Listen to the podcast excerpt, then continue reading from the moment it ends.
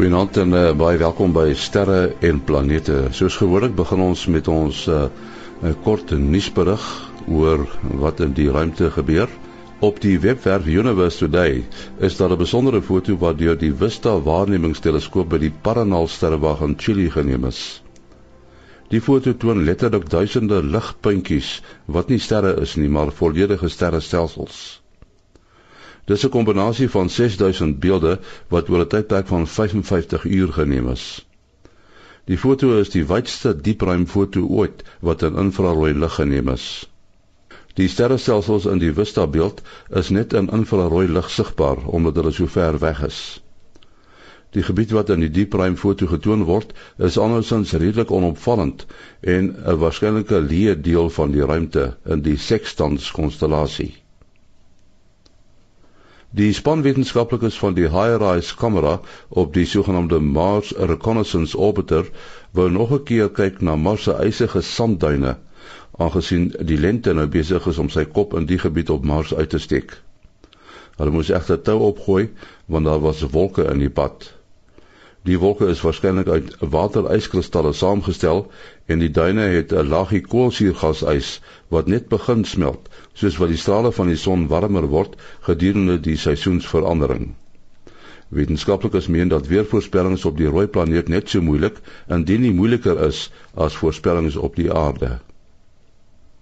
As die Saterdaagse sterre en planete aand by die Soetdoring Natuurreservaat naby Bloemfontein wil bywoon, kan u Farina Greiling skakel by 056 515 3549 056 515 3549 ons gaan na die maan en mars asook 'n paar ander voorwerpe soos die Juwelicus, Omega Centauri en die gasnevel in Orion kyk. Johan van der Berg, landbouweerkundige van Santam, gaan praat oor die maan se invloed op die weer. Net weer die telefoonnommer 056 515 3549 tot sover ruimtenis. En nou praat ons met dokter Peersel hier van die Suid-Afrikaanse Nasionale Ruimteagentskap op Hermanus en uh ouer gewoonte praat ons oor die aktiwiteite van die son. Hoe gaan dit met die son Peer? Ehm um, daar sê nie, dit gaan eintlik uh, bietjie stil op die oomblik. Uh daai is uh, son uh, vlek area 1429 wat ons so besig gehou het die afgelope paar weke is nou aan die ander kant van die son hy's nog steeds aktief. Uh daar was uh, etlike uitbarstings vanaf daai area en uh maar gelukkig is hulle nie in ons rigting nie. Daar was uh Dinsdagoggend 'n uh, baie vinnige uitbarsting met 'n spoed van by die uh, 1400 km per sekonde weg van ons af soos wat waargeneem word deur uh van die uh satelliete wat aan die ander kant van die son kan sien maar uh, daar's 'n groot kans dat daai aktiewe area hier teen uh, die 28ste Maart weer om die horison van die son kan beweeg en daar word 'n uh, eh, voorspelling gemaak dat daar 'n kans is vir 'n X-klas sonvakkel hier op die 28ste Maart. Op die oomblik is daar 'n sonwind vanaf 'n koronagat naby die suidelike horison van die son af op pad na ons toe en dit kan ons waarskynlik op die 28ste of 29ste Maart ook bereik. Ehm um, daar was verskeie uh C-klas vakkels in die af uh hierdie week al reeds vanaf die sonvlekke wat na ons kant toe kyk. Uh, 1444 en 1445 het 'n uh, hele paar uitbarstings gehad, maar die aard van die uitbarstings is nie sodat dit 'n uh, uh, groot impak op ons uh, tegnologie gaan hê nie. Hierdie nommers wat jy van praat, uh, is dit 'n uh, 'n volgeorde nommer? Wie gee die nommers? Uh die nommers word toegeken deur die Amerikaanse Nasionale Oseanografiese en Atmosferiese Agentskap. En uh die uh nommers word uh dis 'n volgnommer wat toegeken word aan die sonvlekke. As 'n sonvlekgroep soos hierdie 1429 wat ons nou vir 'n ruk lank gevolg het, rondom die son beweeg en nog steeds redelik sy uh konfigurasie behou, dan word hy met dieselfde nommer beskryf maar as hy wanneer hy weer om die draai van die son kom 'n uh, bietjie anders ter lyk of uiteen uh, uh, uiteengeloop het dan word daar 'n nuwe nommer aan hom toegeken. Baie dankie Dr. Piersel hier van die Suid-Afrikaanse Nasionale Ruimteagentskap op Hermanus. Dit is die laaste keer wat uh, ons sterre en planete op 'n donderdag aand uitsaai half 9 Uh, die program het so 'n bietjie rondgetrek in in die uh, loop van sy bestaan. Daar was 'n stadium uh, wat hy half 8 was en toe word dit half 9 en nou skuif hy na 'n Vrydag aand 8uur. Vrydag aand 8uur. Met ander woorde die volgende sterre en planete program uh, die gaan volgende week die eerste een in April gaan Vrydag aand 8uur wees. Maar uh, die formaat van die program bly presies dieselfde.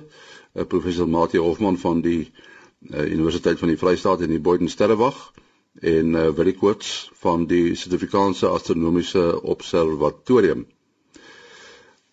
Willie, uh, ons kry so nou en dan vra van mense wat sukkel om hulle teleskope op te stel. Miskien moet jy net mooi verduidelik, jy weet die die, die verskillende teleskope wat jy kry, want jy kry mos nou die ehm um, soos in Engels sê die alt airs en dan die ekwatoriaal uh en dan is daar reflektors en daar's refraktors. Verduidelik net 'n bietjie wat die verskil is tussen daai teleskope. Ja, ja, dit is dit is ja, ek kry ook nogal gereeld en as ons nou 'n sterrepartytjies hou, uh uh nooi ons gewoonlik mense uit om hulle teleskope saam te bring en daar's mos 'n gewone klomp kundiges daarso en uh van die ouens daar by ons het het goedjies gemaak met 'n uh, uh, uh, 'n kompassie en natuurlik dan moet jy hout gebruik dat dit die kompas beïnvloed nie en vreeslike oulike gadgets wat die ouens daar aan mekaar slaan. Ja, so as ons net kyk na na na teleskope self, ons vergeet nou vir die montering vir 'n oomblik. Teleskope, jy kan maar amper sê jy kry drie basiese tipe teleskope. Jy kry lens teleskope, spieël teleskope en dan 'n kombinasie van die twee. So uh ons uh, uh meeste mense as hulle die eerste keer hoor van hulle van 'n teleskoop, dan dink hulle aan daai goed wat die wat die seerower so uitge uit uitgerek het. En dit is ook waar die woord teleskopiek natuurlik vandaan kom. Uh uh, uh die ding die ding kan langer en korter word. En dit was maar net die fokus, maar uh, uh en dan het baie mense op hulle strandhuise stoep het hulle so so so wit lang buis dingetjie daarso. En en dit koop 'n mens gewoonlik by hierdie is uh uh, uh, uh buiteligwinkels en en en so aan. En um en dit is dan gewoonlik 'n lensteleskoop of 'n refraktorteleskoop. Ehm um, nou 'n lensteleskoop of 'n refraktor raak vinnig duur as 'n mens begin kyk na 'n groot 'n lensopening, 'n groot bek. Uh want dan sterrekunde stel ons meer belang om meer lig te versamel eerder as om om baie te vergroot. Uh die vergroting kan jy sommer net doen deur ander oogstukkies op te sit. So vergroting uh, moet nooit 'n 'n 'n rede wees om 'n om 'n teleskoop te koop nie. As jou verkoopsman vir jou begin vertel hoeveel 100 000 maal die ding kan vergroot, dan moet jy onmiddellik sê baie dankie. Ek gaan um, ek sal later terugkom na jou toe en dan kom jy nie weer terug nie want dit is nie uh, wat 'n sterrekundige teleskoop bedoel is om te doen nie. Uh, uh ons probeer meer en meer lig versamel uh sodat dat ons na dowwer en dowwer goeie stukke uh, kan kyk wat dan verder en verder effektief lê. uh, bietjie groot lens, groter lensopening gee ook vir jou beter uh, oplosvermoë so jy kan uh, begin detail sien op planete uh en uh, op die maan natuurlik en en so aan. As jy soos dat jou lensopening begin groter raak so jy jy jy wen eintlik na twee kante toe. Jy sien meer detail en jy sien die dowwer goeie sien jy dan mooier raak so jy kan effektief verder kyk. Ehm um, en dan 'n uh, tipiese spieelteleskoop dis dan nou 'n soort van die tweede tipe toe in plaas van deur ons nou die dit is nou die lig buig of of refrakteer tot op 'n fokus en dan met 'n oogstukkie vergroot gebruik ons hier 'n uh, 'n uh, spieël om eintlik die lig te versamel in, in Engels praat ons sommer van 'n light bucket. So ons het hier 'n emmertjie 'n uh, uh, lig wat ons versamel en en uh, uh, die lig word dan weerkaats tot op 'n fokus en dan jy nou verskillende konfigurasies die die mees algemene een is is die manier wat Isaac Newton uh en Sir George Gregory begin speel het met teleskope hier in 1500 1600 daar rond en uh um, en en dan het jy nou 'n uh, platspieeltjie in die bokant sodat jou kop nou nie in die pad van die lig is wat inkom nie. En dan kyk jy so half bo skuins by die teleskoop in en en jy en jy kyk nou na na na na, na die kant. So dit voel eintlik of jy nie in dieselfde rigting kyk as wat die teleskoop mik nie. Um en en dan uh, uh kry jy natuurlik ander konfigurasies ook maar dis gewoonlik die mees algemeenste amateur is maar die Newton Newtonian wat vernoem is na na Isaac Newton. En en dan kry jy nou hierdie nuwe kompakte kombinasietjies wat jy 'n spieël aan die voor aan die agterkant het en en jy het ook 'n tipe van 'n lens of 'n of 'n korrigeerder eintlik 'n corrector in Engels. Uh um en dis baie lekker kompakte teleskopies. So soos 'n effektiewe fokuslengte kan iets soos 5 meter wees, uh maar die teleskoop is net 'n meter lank of meter en 'n half of daar rond. En en uh um baie lekker uh, kompakte goedjies vir al as jy nou begin begin rondry met die ding. Ja, so dit is basies die die die tipe teleskope en dan uh soos jy sê jy jy kry moet maar weer twee hooftipes monterings. Ehm um, en en die die eenvoudigste een werk amper soos 'n driepoot. As mens dink aan 'n driepoot, jy sit hom plat neer, jy sit hom waterpas neer en jy kan die kamera pan en jy kan hom jy kan sy hoogte verstel, jy kan op en af kyk en en dit is uh, uh effektief dan soos 'n sogenaamde alt azimuth teleskoop werk. Altitude is dan die hoogte, azimuth is dan die die rotasie in rondom die horison. Um baie eenvoudig, baie maklik om die ding te mik want dit is goed waar ons af half half gewoond is. Uh die ekwatoriale monterings is 'n bietjie bietjie vreemd in die begin uh, uh want die ding is so skuins gemonteer en meeste mense as hulle so teleskoop kyk probeer hulle snaakse maniere die ding opstel. Uh ek het uh, selfs een keer 'n ou wat daar by my kom kers opsteek het. Hy het uh, toegang gehad tot 'n tot, tot tot 'n masjienwerkswinkel en hy het vir die ouens 'n ding laat maak dat hy ding kan verder beweeg het. en en dis net omdat hy hom heeltemal verkeerd gebruik het en en toe toe kom hy gou-gou daar touwys gemaak. So uh ekwatorialis is 'n bietjie moeiliker om op te stel uh maar op op uit op die ou end wen jy deur die gebruik is dan baie maklik. Uh die een as dan van die teleskoop wys dan na die suidhemelpool in ons geval as jy die noordelike halfrond sal dit natuurlik na die noordhemelpool wees. So as mense oplees op die goeters en hulle sê jy mik die ding na Polaris, dan weet jy nee nee, jy's nou in die verkeerde halfrond. Hier in die suidelike halfrond het ons nou ongelukkig nie 'n lekker sterretjie naby die suidhemelpool nie. So ons gebruik maar gewoonlik die uh, suiderkruis en die wyse sterre en al daai goed wat sal oor gepraat het of uh, jy kan selfs 'n uh, eenvoudige kompassie gebruik uh uh en mense maak vir hulle sulke gadget. Ons ons het nou onlangs op ons uh oog webwerf die oog is mos nou ons Orion observasiegroep het een van die ouens 'n uh, uh, artikeltjie geplaas van om om so 'n teleskoop op te stel met met behulp van 'n van 'n kompas. So dit is eintlik is eintlik nog al 'n nog 'n eintlik 'n maklike manier. Uh en dit hang ook eintlik af hoe akkuraat jy dan wil wees as jy 'n fotografie doen, moet jy dit moet jy dit baie meer akkuraat maak. As jy net wil uh casually kyk dan is dit natuurlik minder akkuraat.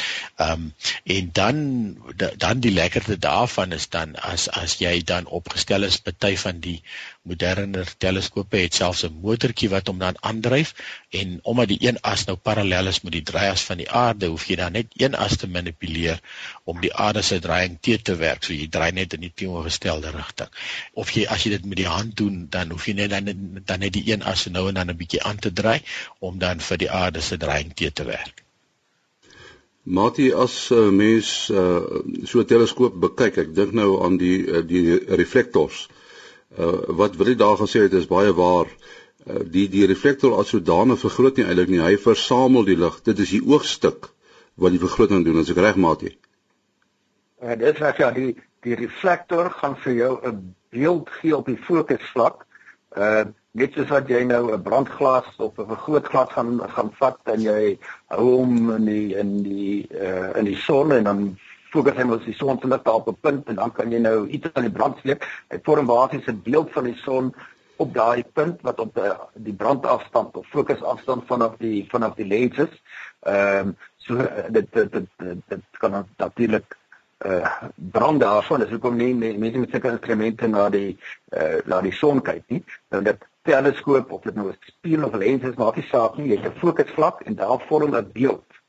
Uh van die voorwerp en daai beeld is baie kleiner as die voorwerp self. Ek meen kos vat net maar 'n beeld van uh van die maan. Jy kan hom op 'n bladsy of 'n klein skyfie inpas terwyl die maan self paar kilometer in deursnee is. So daar het eintlik nog vir verkleining van die werklike voorwerp tot die beeld wat jy kry.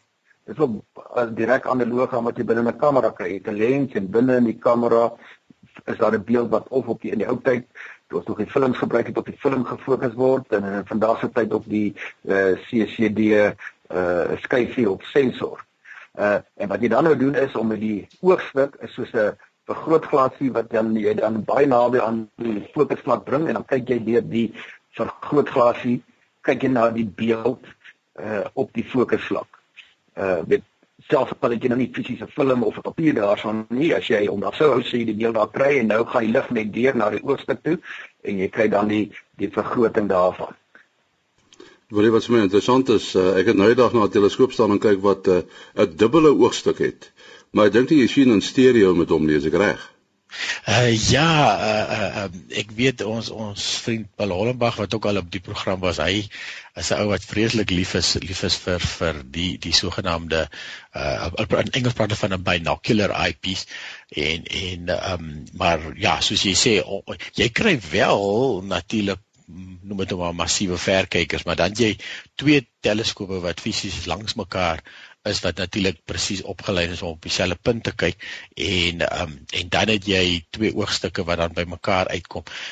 Die goed is natuurlik ingewikkeld omdat alle mense se oë sit nie ewe ver uit mekaar uit nie en en so erns moet jy 'n verstelling dan kry vir vir die vir die uh die afstand tussen jou oë om dit te kan verstel En dan natuurlik ook hy fokus kan jy dan nou kan jy dan nou gelyktydig doen deur al twee oogstukkies gelyktydig in en uit te hardloop. Maar ehm um, dit is nogal ongelooflik uh seker omdat ons gewoond is ons hele lewe om met twee oë te kyk en en dit is asof jou brein net meer inligting kry uh deur twee oë as as net een oog. Uh, uh ek het toevallig, ek het effens 'n afwykings, ek het hierdie floutertjies wat hier in my oë ronddryf as ek een oog toedruk, dan dan sien ek uh, kan ek kan ek foute sien wat die wat uh, wat ek uh, wat verskil tussen die twee oë, maar 'n mens se brein is slim genoeg om hierdie goed net uit te haal. Ongelooflike prosesering wat in 'n mens se brein plaasvind as jy as jy kyk en ek dink dit is dan dieselfde geval met hierdie uh, sogenaamde uh, met 'n verkyker oogstukke of binocular uh, eyepieces waar jy dan nie twee uh, maar dit is net dieselfde die een beeld wat dan net her, herlei word na na jou twee oë toe.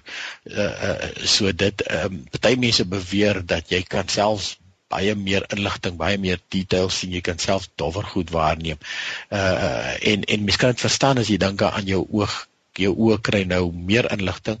Uh jy kan alle inligting deur twee oë wat, die brein dan dan kan verwerk. Maar uh, dit is uiteindelik in in die meeste enkel uh, die gevalle waar jy net een teleskoop het, is dit dan nou nie uh, glad nie stereo nie. Jy sien nou net dieselfde beeld deur deur beide oë.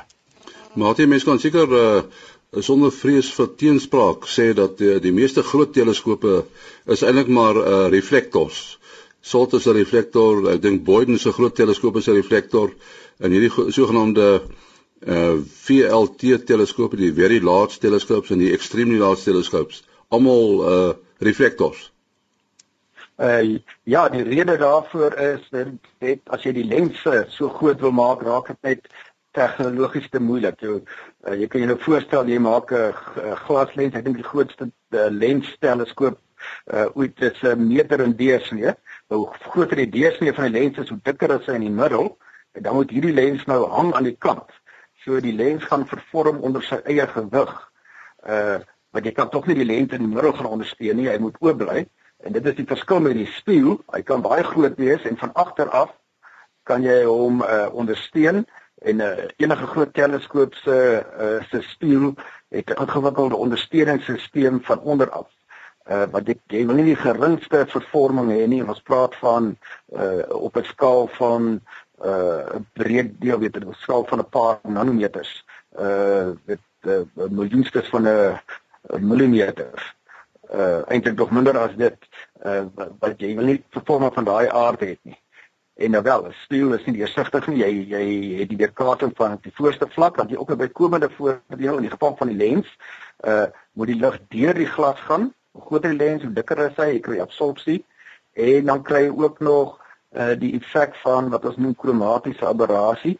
'n Lens fokus nie alle kleure lig op presies dieselfde manier nie. En stel nou maar jy kyk byvoorbeeld na 'n baie helder ster wat uh wit in kleur is, dan gaan jy uh as jy bloot beheer kyk, gaan jy so blou gloed om hom kry. Want die die uh, uh as jy gefokus het, het jy hom nou tipies optimaal op die uh, op die gebied van jou oog wat die sensitiefste is in die geel gebied gefokus en die blou lig uh, is dan nog nie mooi gefokus nie en dit is dan bietjie versprei rondom die die middel van die uh, ster se beeld. Uh so die die kaarting van 'n oppervlak van 'n spieël uh gee vir jou dan geen effek nie al die uh, terme van kleurafwyking nie al die kleure lig dis kaars op presies die manier selfde manier dat op presies saam gefokus wees. Die uh SALT teleskoop uh wat is nou mos nou 'n interessante voorbeeld. Hy hy het effektief 'n spieël van 11 meter, maar is nie een spieël nie. Vertel net 'n bietjie hoe daai spieël werk. Baie van ons groot teleskope deesdae is is dan samengestelde spieëls en nie meer net een enkel spieël nie. Uh as ek dit reg het, is die grootste enkel spieël teleskoop hier in die omgewing van 9 meter is al ek 10 meter ook is nie presies seker nie. En ehm um, uh so dit dit, raak al hoe meer algemeen deesdae om om eerder die speel in 'n klein uh, uh in klein segmente te verdeel en dan het jy hierdie groot probleem wat Martin nou beskryf het om hierdie hele ding te ondersteun en om presies te vervolg. Kyk in die ou tyd uh meeste uh, uh amateur teleskope as jy hom nou sou uitmekaar het, wat ek nou nie sal aanbeveel as jy nou nie weet wat jy doen nie, maar van tyd tot tyd moet die spieël uh, uh omdat die blinklaagie bo op die glas sit, uh moet die spieël van tyd tot tyd skoongemaak word en dan word die ou laagie afgevreet en 'n nuwe laagie word word oor neergeslaan is. Gewoonlik het aluminium wat hulle gebruik, baie suiwer aluminium en um uh, dan as jy so 'n spieël sal uithaal, sal jy sien hy's hy's ongelooflik dik vir vir sy deursnee. Nou in die ou tyd het hulle gepraat van 'n 1 tot 6 verhouding. Dit wil sê as die as die spieël uh, uh, uh, sê nou maar 'n 6 duim uh, 150 mm is, dan sou hy 'n duim dik 25 mm dik gewees het. En en dit is dit is tipies uh, uh, juis omdat jy hierdie uh, spieël teen so hoë akkuraatheid geslyp is, uh, uh um moet hy nie vervorm self onder sy eie gewig soos Mati ook nou genoem het van die lense en um en uh, so dan het jy nou hierdie hierdie ingewikkelde uh, uh, ondersteuningsstelsel. So as jy nou dink daaraan as die spieël nou nou 9 meter in deursnee is, dan moet hy 3 meter dik wees op daai skaal. Nou dit is een massiewe hoeveelheid glas en dit raak natuurlik heeltemal onprakties.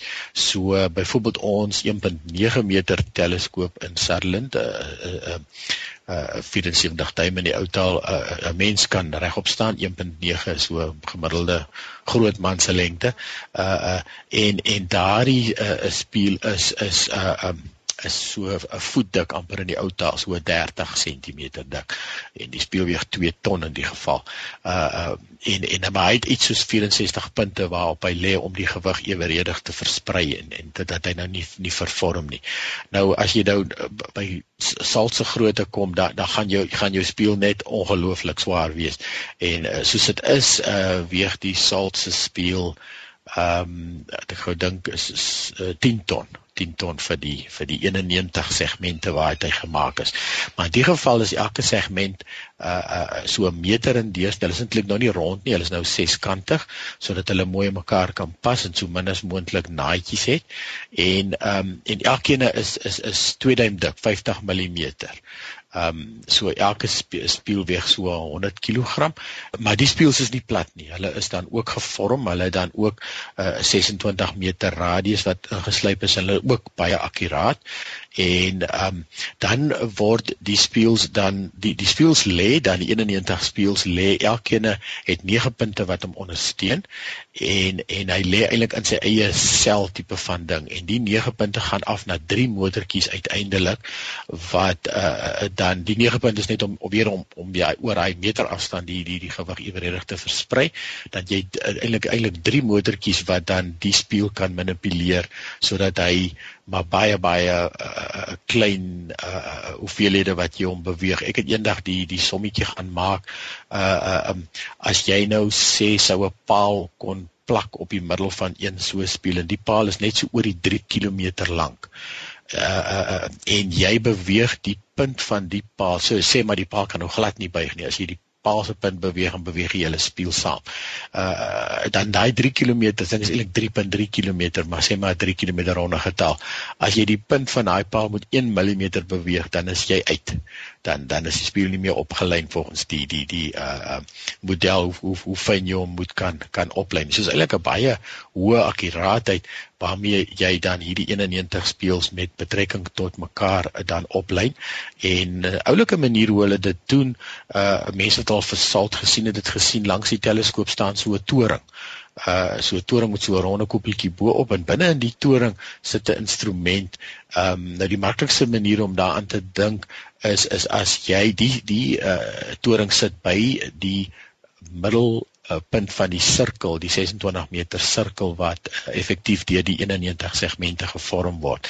En as jy nou dink daaraan as jy 'n uh, 'n uh, blink bal het en en jy en jy sit 'n uh, ligbronnetjie presies by sy middelpunt dan sal al die lig terugkom na daai selle na daai na daai na daai selle ligbronnetjie toe as as dit 'n perfekte sweer is. En en dit is dan die half die prinsip waarop hierdie opleiding instrument werk en dit is dan wat bo in die toring sit. So hulle skyn basies lig op die op die spieël en maak seker dat al die lig presies terugkom na na daardie bron toe. Okay, dit jy kan dit netlik op dieselfde plek hê nie. So daar is nou 'n bietjie uh optiese trickery aan die gang daarso. Maar dit is dan effektief hoe die hoe die spieël dan opgelyn word en dan aan die begin van die aand sal hulle dan die spieël oplyn en dan is daar ook sensors wat dan seker maak dat die spieël in posisie bly en so aan en dan gebruik hulle hom uh vir die res van die aand. As hy as hy begin te uitraak wat jy dan sien is jy sien jy begin dubbelbeelde te sien of trippelbeelde afhangende van hoeveel spieëls dit het begin uitgaan. En maar jy kan nie meer 'n uh, sterk fokus nie en en en dan swaai hom weer terug na die toring toe en dan so binne 20 minute die opleiding weer gedoen. Ja, ongelukkig moet ons nou haltroep. Uh dit is dan nou al wat sterre en planete op 'n donderdag aand betref. Uh wil jy besonderhede? Uh, ja, enik, um, mense kan my bel of SMS 0724579208. 0724579208. Mati? Uh 0836257154. 0836257154. En my e-posadres maas.henny@gmail.com. maas.henny@gmail.com. Nou ja, tot volgende week Vrydag aand 8uur. Alles van die beste.